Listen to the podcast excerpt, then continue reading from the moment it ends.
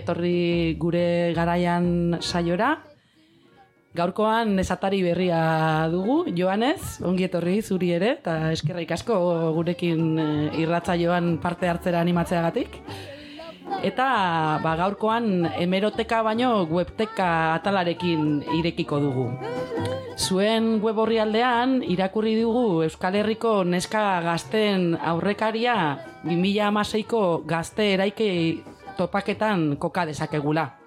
Antxe, herri desberdinetako gazte feministak topatu zinetela edo topatu zirela, antolatu eta besteak beste gazte udaleko feminista proiektua jarri zenutela martzan.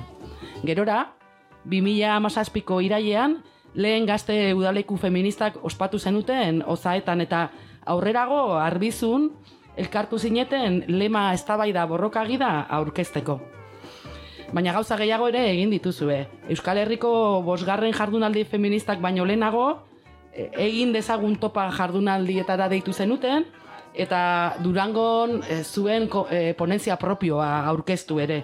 Eta ordutik ona amaika jardunaldi, ekimen eta bestelakoak eta aurreko asteburuan batera jotzea ospatu zue. Oni guztiari eta gehiagori heltzeko orduan gaurkoan eskagazte mugimendutik umaulazia eta amaiur regurrola ditugu gurean, arratsaldeon. Arratxaldeon. Arratxaldeon eskerrik asko gombiatzearen.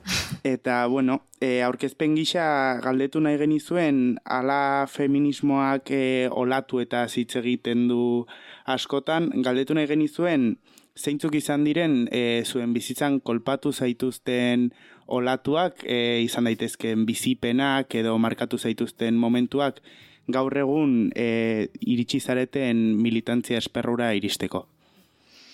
Vale, ba, ni hasiko naz, igual pizkat zaia da galdera holan erantzutia, baina, bueno, nik bai esango nahuen e, gazte mugimenduetan eta feminismotik hasi nintzela militatzen, e, pues ondikan herrian ninguenean, eta igual olatu nagusia izan da, unibertsitatera heldu nintzen momentua, pues pixkat e, bestelako bizi eredu bat aurrera eramaten hasten zarenean eta pues beste herrietako pertsona batzuk, beste ezagutza batzuk eta igual bestelako e, ezagutza batzuk jasotzen dituzula zuke bai eta esango nauen momentu hori izango litzakela nire olatua edo. Nire kasuan e, bueno, hor institutuan batxierrian hor ere e, universidadea salto hori eman, eman aurretik anau Errixan, e, momentu hortan feminismoan gutxio, geixo ibili ginen gazte, gazte asambladan, eta igual feminismotik egun konkretuak aurrea teatzeko lanketatan, eta bai ibili ginen, baina e, amaiurren antzera e, olatu horio, nik ere bai, bai ikustet izango litzakela geixo universidadeako salto hortan, ez? Pues, batu ginala ere e, universidadean beti do jende geixo, eta beti jende geixo ere inkietu horrek partekatzena, eta bueno, pues, espazio bat sortzia e, albideratu zigun unibertsitateak igual zentzu hortan eta eta hortati ordutik aurre hau. Baby, bye bye. Baby, bye bye. Bye bye.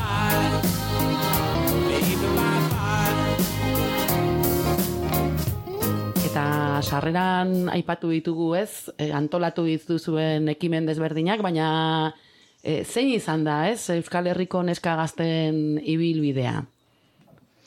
Ba, bueno, sarreran aipatu da ez, baina guk bai ibilbidean hasiera moduan markatzen dugula igual 2016ko gazteraiki topaketak, e, bueno, bertan e, borroka ezberdinen inguruan hausnartu zen, baina bai ezaugarri moduan zaukola gaztetasunetik ematen ziela ez eta hori izan zen igual lehenengo momentua be bai e, gaztetasunetik eta feminismotik e, hausnartzen hasi zana edo behintzat gazte mugimenduak feministatzeko eta hausnarketak ematen hasi ziela. Orduan, e, bueno, guk pizkator e, kokatzen dugu abia puntua edo, baina egia da mugimendua bera gorpustu arteko pausuak edo e, gehiago izan diela, ez? Eta hor, e, 2000 eta mazazpi, 2000 eta sortziko gazte udaleku feminista kokatzen ditugu bai, gehiago saretzeko, elkarrezagutzeko funtzioa bete zauienak, eta ez da kasualidad dia besta, e, 2018-2019ko justo mugendu feministaren olatu eta e, greba feminista horretaz e, guztia egondala ez, eta nolabait igual zehar lerro moduan jokatzen daue bai Euskal Herriko neskagazten e, sorrera horretan. Orduan pixkat gazte udaleku feministatik eta abiatuta e, kokatzen ginen e, salda badago Euskal Herriko jardunaldi feministen aurrian eta bai e, ikusi zala e, pues bertara neska gazte problematika eramateko aukera. Eta igual bai esan aldo momentu horretan izango zala igual sujetua, osea Euskal Herriko neska gazteak sujetu moduan e, sortu sana eta planteatu planteatzen hasi ginela e, neska gazte problematika propioak genitzula eta orduan horrei erantzuteko bai antolakuntza propio bat behar gauela. orduan e, esan alda Durangoko jardunaldien testu inguru horretan hausnarketa batzuk eman ziela, horretarako egin dezagun topa jardunaldiak egin zirela Lizarran, eta bertan bat ez be autodefentsa feministaz e, hausnartu ginula. E, piskat, e, hortik edan da, seginen ja mugimendu moduan e, gorpusten, eta igual bai esan leikeela e, gure loraldia edo momentu horretan eman zela, izan zen e, herri pia batetan eskagazteak sortzen hasi ziren momentua, aliantza batzu sortzen ziren momentua, sare bat sortu zen momentua, eta hori esan alda inflexio puntu garrantzitsu bat izan zala eta a honen ostian, e, bueno, aurkitu ginen ikustot mundu guztia moduan pandemia baten aurrean, eta orduan pixkat hornek e, mugimendu pia bat Euskal Herrian kolpatu zitsun moduan, pues, gugan bebai eragin bat eukizauen, eta honen ostian ingauen e, 2008 bateko elgizondoko batera jotzia ez, izan zan apur bat mugimenduaz eta zarea zausnartzeko aukera bat, e, nola antolatuko ginen eta nola osatuko ginen. Eta pixkat horretan ibili gara azken biurtietan, e, herrietako dinamika propio pia batekin batera edo ikastetxietan, unibertsitatetan indiren beste hainbat dinamikekin batera eta heldu gara, pues, aipatu dozuen moduan 2000 eta hogeta iruan oindala aste bete inditzugun e, usurbilgo batera jotzera. Eta bueno, pues, batera jotze honetan bai, bueno, e, kokatzen dugula garrantzitsu ez, mugendu feministak plantau dauen borroka ziklo berri honen aurrean ez, edo denon bizitzak erdigunean e, izenpean abiatu dan prozesu honetan, e, pues bueno, greba aurretik itzen dugun hausnarketa prozesu moduan, eta neska gazte moduan nola helduko dion e, helduko diogun grebari, eta baita ze karpenetan ondik egingo diogun, baina baita honekin batera be izan dela e, mugimenduak berak zitzun hausnarketa desberdinei heltzeko momentua, eta pues bai baloratzen du olako batera jotzea handiak eta e, mugimendu izaera eukitzerakoan direla azkenean erabakigune, hausnartzeko espazio eta pues, bueno, bestelako funtzioa bai betetzen dauela orduan, pues, onaino heldu gara. e, egin duzu pixkat e, neskagazte mugimenduaren errepasoa, Jakin nahiko genuke zertan non eta nola gorputze, gorpuzten den gaur egun neskagazte mugimendua? Eh, Osea, igual bai da garrantzitsua, bueno, hasieran e asinaz pizkata ipatzen, baina bai gu sortu garela gazte mugimendutatik, baina baitza be mugimendu feministatik sortu garela eta bueno, pues bietan e, uste dugula paper bat e, jokatzen dugula. E, eta orduan e, gure helburua edo ez da oso maksimoetara jutea baina bai da pues, Euskal Herria feminista arantzko pausu batzuk ematea, herriak feminismotik eraldatzea, e, neskagazte problematikei aurre itzea, eta horretarako pues, antolatzen gara e, esan dugun moduan pues, e, herri pila batetan, ez, bakoitzak bere dinamikak aurrera eramaten ditun espazio moduan, edo herri horretako problematika ezberdinak lantzen ditun moduan, eta baita pues, badaukagu e, motor deitzen dutzagun espazio bat bai, e, pues, e, izaten garela gehiago, pues, aurreko astekoa moduko batera jotzeak antolatzen ditugun espazioa, edo baliabide batzuk planteatzen dituguna, edo e, hausnarketarako e, baliabide batzuk planteatzen dituguna, eta gero honek bai ulertzen dugu jokatzen dauela e, funtzio bat, e, bai neska gazte taldeekiko, baina baita be pues, Euskal Herrian edo eragiteko. Ba, ez, bain eta berriro aipatzen ari zarete usurbileko batera jotzea, eta jakin nahiko genuke zenolako gaia jorratu dituzuen, ez? Batzuk amaiurrek aipatu ditu, baina bai ze gaia jorratu dituzuen, eta zenolako ondorio eta ikaspenak ez atara dituzuen. Bai, e, bueno, hiru egunetan e, gauza askotako astixa eman digu. Eukideu bere egitarau bat bastante pilat eta gauza askokin nahi ginulako ere aprobetxa hau. Hiru egun horrek aliketa geixo, no? Aliketa zuku geixo natea hau hortan. Eta amaiurrek bota doan bezala, ez? Batera jotzea bada ere momentuko biarrai erantzute joan elkargune bat, eta zentzu hortan ere bai izan da greba datorren enean ere, ba, greba hori bai antolatzeko, eta gugealako e, gelditxiko ditugunak unibertsiadiak, gelditxiko ditugunak institutuak, gazte bezala ere paper bereizgarri bat dakaunak, orduan, zentzu hortan antolakuntza behi da e, antolatzeko baliatu deu batera jotzea, eta baitxa ere hausnartzeko ez, e, ze modutan zarkatzen gaitxun guri ere zaintzan e, gatazkako, eta eukideu maien guru zentral bat, pues, horri e, bideratuta o, esan geu.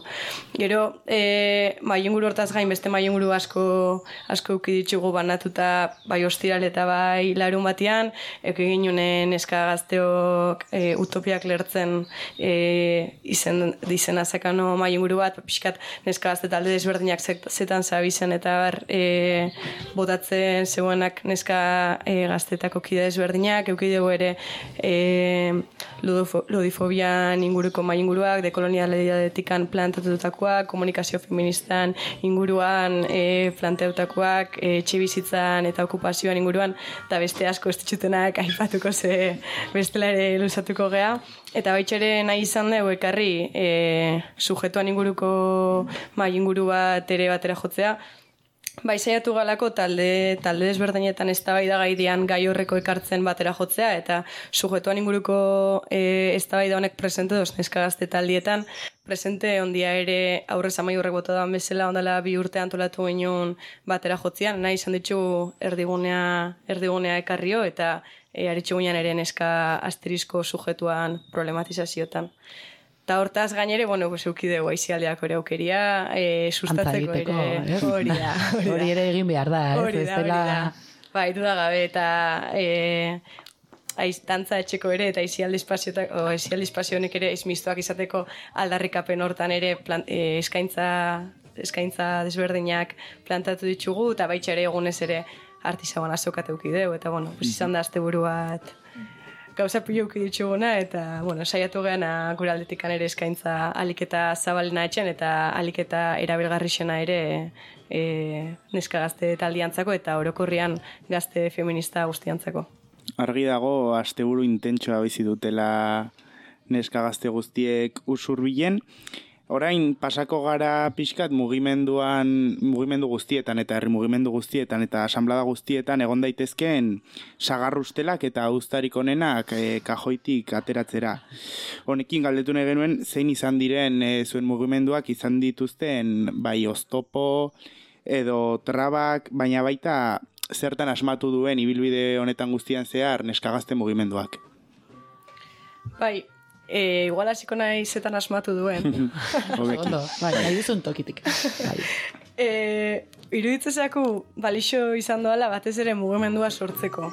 E, 2018an zauan PR bat eta e, bai gazte bezala ez, e, oza, bai gazte mugimendua feministatzeko, bai inkluso mugimendu feminista gaztetzeko, 2018an amasi amazazpi emezortzi sorrera hortan identifikatzen zauala bihar bat, bihar bat e, neska gaztiak artikulatzeko, eta zentzu hortan funtzionatu doala, du funtzionatu doala sariako, orduan, ba bueno, e, balixo izan doala e, feminismotik politizatzeko, e, feminismoa bea edatzeko, eta zentzu hortan pues, identifikatu ditugu, politizatu ditugu zeharkatzen gaitxusteten, gaitxusten gatazkak, e, politizatu ditugu gatazka eta disputatu dugu boteria gatazkatan, sortu ditugu boteretzeko espazioak, e, tresna desberdina, oza, tresna ezela funtzionatu dugu ere sariak zentzu hortan, orduan, pues, izango nuke asmatu, asmatu dola zentzu hortan.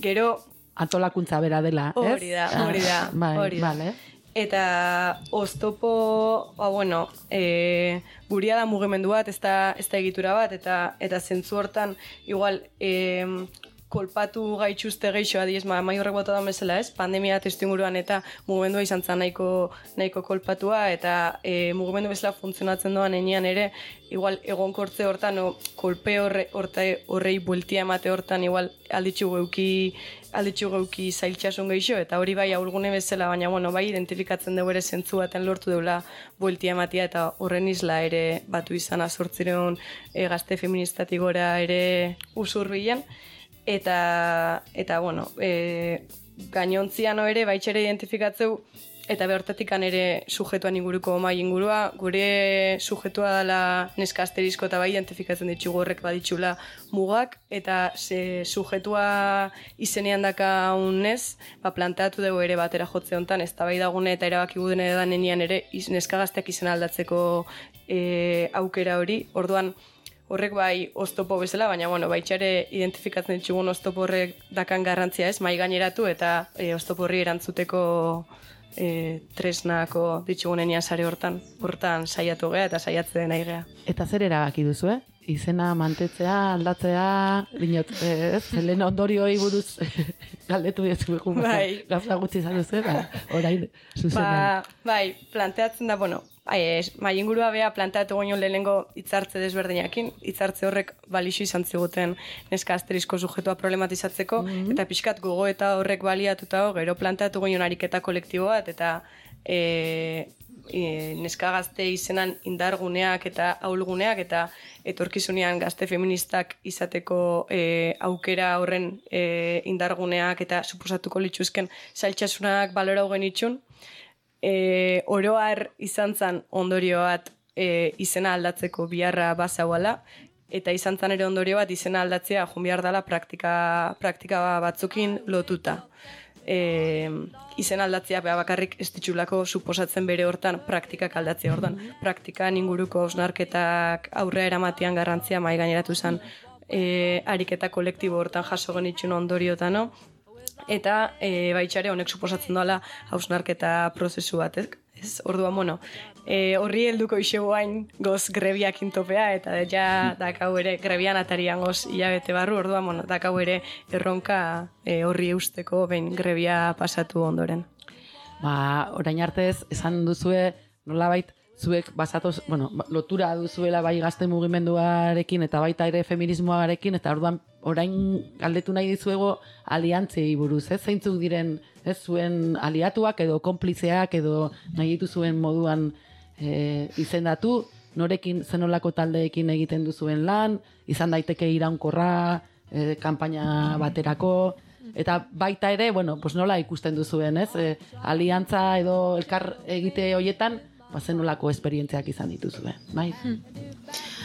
Hor igual, e, osea, bueno, hasieran bota dugun moduan, baina gurea bai ulertzen du dela, e, osea, Euskal Herriko neska gazteak mugimendu moduan bai dela e, gazte mugimendua eta dela baita mugimendu e, feminista ez, orduan ulertzen du e, bi espazio hauetan edo e, badaukagula, bueno, alde batetik e, elikatzen gaitzuztela gu, baina aldi berean badaukagula baita e, funtzio bat e, interpelazio berriak itzeko, hausnarketa berriak planteatzeko, eta pues e, azken urte hauetan edo bueno, gure ibilbide honek adibidez erakutzi duzku, ba, ez gazte mugimenduak feministatzean paper bat e, jokatu dogula edo mugimendu feminista intergenerazionalean bebai gaztetasunetik e, ba, e, hausnarketa berri batzuk planteatzeko aukerak ematen ditula. E, eta honen adibide moduan, pues, e, ezakit, torri jat, mugarri ezberdinak, pues izan aldan moduan aurreko urtean izan e, gazte mugimenduen topaketak sartadak, pues bertan parte izan ginen, bestera gile batzukin batera, edo momentu honetan mugimendu feministak abiatu dauen e, denon bizitzak erdigunean e, e, plataformaren parte gara, eta bertan parte hartzen du, baina igual umak bota dauenetik baita, batera jotzean bertan be ikusi da ze aliantza ditugunez, eta e, ulertzen du azkenean bestelako eragile batzuk insortzen dien aliantza horreik edo harreman horiek e, elikatzen gaitzustelagu, e, badatozelako beste hausnarketa batzuekin eta igual beste interpelazio batzuekin baita, eta pues horren adibide izan die igual batera jotzean, pues lodifobian inguruko e, itzaldi bat planteatzea edo e, edo bai ez, bestelako adibide batzuk. Eta uste du horrek aldi berean elikatzen dauela gure mugimendua bera, interpelazio interpelazio batzuk itzen duzkolako edo ausnarketa berri batzuk plantearazten gai, e, ditugulako. Mhm. Argi dago batera jotzean aliantzak sortzeaz gain e, irakaspen eta eta eztabaida mordoa jaso dituzuela, baina baita neska gazte mugimenduaren ibilbide guztian zehar e, jaso dituzuela horrelako asko irekin egenuen tartea pixkat e, zue kontatzeko zeintzuk izan diren e, zuen ikaspen individual eta kolektibo nagusiak bide honetan zehar. Mm. Mm, hor bai, egon gara pixkat gure artean hitz egiten eta ez genekin oso zein zan irakaspen moduan, baina bueno, alde batetik bai bota du mugimendu moduan orokorrean daukagun e, potentziala, eta gero ez dakit e, dan lore asko botatzea gure buruai, baina e, bai esango nauen daukagula gaitasun bat eta batera jotze honetan e, ikusi duten zerbait izan dela daukagula e, hausnarketa eta eztabaidak emateko kriston gaitasuna eta gainera ez ditugula eztabaidak negatiboan ulertzen ez askotan e, osea orokorrean jendartean eztabaidak e, modu oso suntxikor baten ulertzen diela edo pues interpelatzen gaituztenean gaizki hartzen diren kontuak direla E, baina uste dut badaukagula mugimendu moduan gaitasun bat eztabaida honek negatiboan ulertu beharrean aldaketarako aukera moduan ulertzeko. Eta ea esan ontxe, pixkat, e, igual lore larri botatzea da gure burai, baina bai esango nagoen horretarako gaitasun daukagula, eta bai batera jotzeko egitaragoa bera, eta orokorrean eman ditugun ez da bai dakorren isla diela, eta uste mm. irakaspen, bai pertsonal zen kolektibo moduan, e, pues, oi, handia dela hori. Zake, desadostasunerako lekua badago, ez? Hmm. Neska gazteak asterizkoren baitan hori interesgarria da, ez? Hmm. Askotan badirudi ezin dugula ez, ez dakite jar, bueno, kontrako jarrerak edo iritzi desberdinak izan, edo horrelako gauzak. Eta pixkate, bai, orain denbora pixka bat dugunez ez, bai, igual esan duzu ez, irakaspan per, pertsolan moduan ere hori, baina igual irakaspena baino zuen bizitzetan adibidez, ez, dinot, paldimagoa zola, ez, ze nolako eragina izan duen, ez? E, pues, antolatuta egotea eta zaudeten mugimenduan egoteak. E, oza, pentsatzen baldin baduzu nola izango litzateke zuen bizitza, neska gazten ba, e, barruan egongo ez bazinate, ez? Oza, ze izan da, pixkat nahi baldin baduzu e, gehiago tripetatik, ez? E, bururatzen bazaizu zerbait, eh? Bestela... Eh, bueno, A ber, ze botatzen den. e, feminismotik esateu, ez? Egunerokotasuna politikoa dela eta eta zentzu hortan ere feminismoak eman digu tresnak politizatzeko gure gure egunerokotasuna eta egunerokotasun hortan ere etxen ditugun autuak eta e, proiektatzen ditugun e, proiektuak eta bueno, pues eman digu nik uste tortako perspektibak zabaltzeko aukeria eta eta zentzu hortan e, aberasgarrixa aberasgarrixa ere ez dakit. Mm, bai ez dakit. Osea nik egia esan e, igual gehiago pertsonaletik eh? baina bai uste dut e, orokorrean militantzia eta militantzia feminista dela e, nire bizitza ardazten dauen elementu bat eta e, bai eta ez bakarrik militantzia edo espazio formal horietan, eh? Baizik, bizitzako autuak itxerako orduan e, ezagit baldintzagarria edo baina bintzat irakaspen batzuk emanduzten espazioa dela eta uste dut gaur egun nire pentsamendua eta nire izateko modua ez dela, osea ezin dela ulertu militantzia feministak emanduzten abarik. Hmm. Eta eman digu ere kolektibotasuna, ez? E, ikustia norpean arazoak ez dela norpean arazoak, eta arazorri e, arazorrei ere erantzuteko ez dela norpeak beraldetik inbiar doan hori, orduan ekipo hori ere biharrezkoa deula oain eta hemen, inoiz baino gehiago ez, e, da kauntestu inguru hontan bat biziraun eta bi erresistitzu eta hiru inkluso horren aurrean alternatiba desberdinak ere ikitzeko eta zentzu hortan ere eman digula aukera hori ez, talde hau sortziana eta talde ontatikan sortu alditzugun proiektu horredanak bai personalketa bai kolektiboki e, hortatikan aberasteko aukera hori. Argi dago militantzia feminista goitik bera ardazten dituela zuen bizitzak. Nege nuen pixkat e, elkarrizketa hau isteko jaso zuenetik e, titular bat edo lelo nagusi bat e, orokorrean gaurkotasuna e, adirazten duena edo. Bai, bueno, erabili den lelua batera jotzian edo e, izan da e, utopiak lertzeko antolakuntza feminista. E, pixkat nahi izan dugu pues, utopian eta distopian ideia horrekin asko ibiliga jolasten ez, pues, arteko ere e, ibilidean ziar eta batera, batera jotzean antolakuntzan orokorrian eta zentzu hortan planteatzen gino ez, ba, zela askotan distopia e, plantatzen digutela etorkizunean etorriko da momentu hori bezala ez, munduak momentu baten katakrak e, eingo doala eta e, ez dagoela soluzik zentzu hortan, ez? Pues, e, on behar gala zain, munduak katakraken arte eta ordura arte ba, bakuitzak, e, bakuitzak salbatzeko egin etxekala nahi doana eta e, individualismotik, ego inkluso e, planteatzen oso efimeruak dian e, pues, e, bai, aukera batzuk o e, alternatiba errealak izango balia bezala. Orduan, zentzu hortan maina izan dixo kontrapuntu bat horri eta planteatu distopia hori oraina dela eta ja badozela gaur gaurkoz e, lurraldiak bizitzak estianak, estianak bizigarriak eta oain inoiz baino goixo adibidez, ez? Palestinan pasatzen dagoan danakin, e, lurraldiak estianak bizigarriak, bizitzak estianak bizigarriak hemen eta oain gero eta gero ideala prekarizatzen eta honen aurrian inmobilismo hortatik baino etorkizunen etorriko litzaken distopia horren inmobilismo automobilismo hortatik baino plantatzen dugu ez, jo ba, oain da, oain doa udana pasatzen, guazen politizatzea benetan oain, e, e, sistema kapitalista kolonial ziz heteropatriarkala distopiko bezala, eta guazen horren aurrian ez, antolakuntzan aldeko autua, autua etxea. Iruitzezaku badakala gaurkotasuna ondixea lelo honek, eta badala modu aliketa integralian, nahiz eta sekula ez lortuko integralian erantzutea, baina, bueno, pues aliketa integralian erantzuten dion lelo bat dala, e, antolakuntza feministan aldeko e, posizionamentu posizionamentu hori utopia, utopia berri horrek ere ikitze bidian ere, ba, biharrezko ditugulako oain eta hemen eszenario berri horrek irudikatzea proiektuak oain momentuan norabide bat euki alizateko, norabide desbertinak euki alizateko. Orda, bueno, pues, lelo hori proposatzen ginen eta hori xegure aldetik. Bueno, ba, bada, ez, leio bat irekitzea, ez, leloarekin batera, ez, ma, ez dakit, badudi, aize freskoa sartzen dela estudiora ere, ba...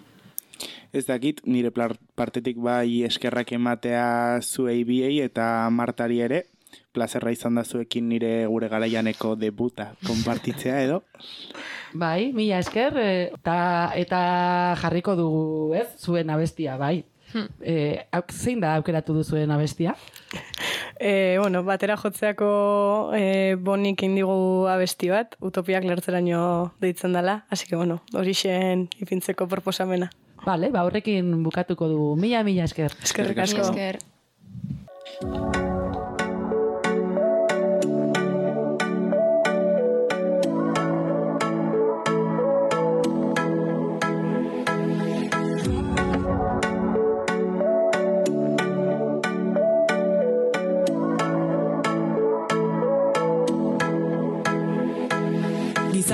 Progresista askoren hitzetan librea morala eta perfektua bizitza osoa. Lanean nire ama goraino jabete amaiera. Egia esan bidea ez da erraza izan emakume migrante eta razializatua. Non da gaukera berrien estatua esplotatu zaintzalana aitortzen ez duena zutara zuen zalantza zutara guka jolatzen saiatu direnak. Bidea garaipen eraino zutani utopiak lehertzera gatoz. Zutara, zuen zalantza, zutara Guka jolatzen saiatu direnak.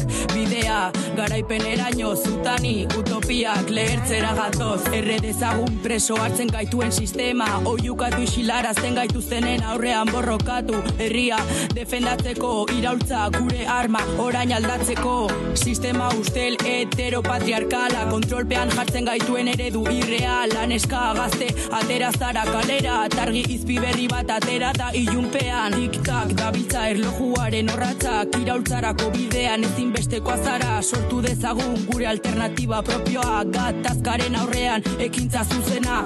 Zutara zuen zalantza Zutaran guka jolatzen saiatu direnak.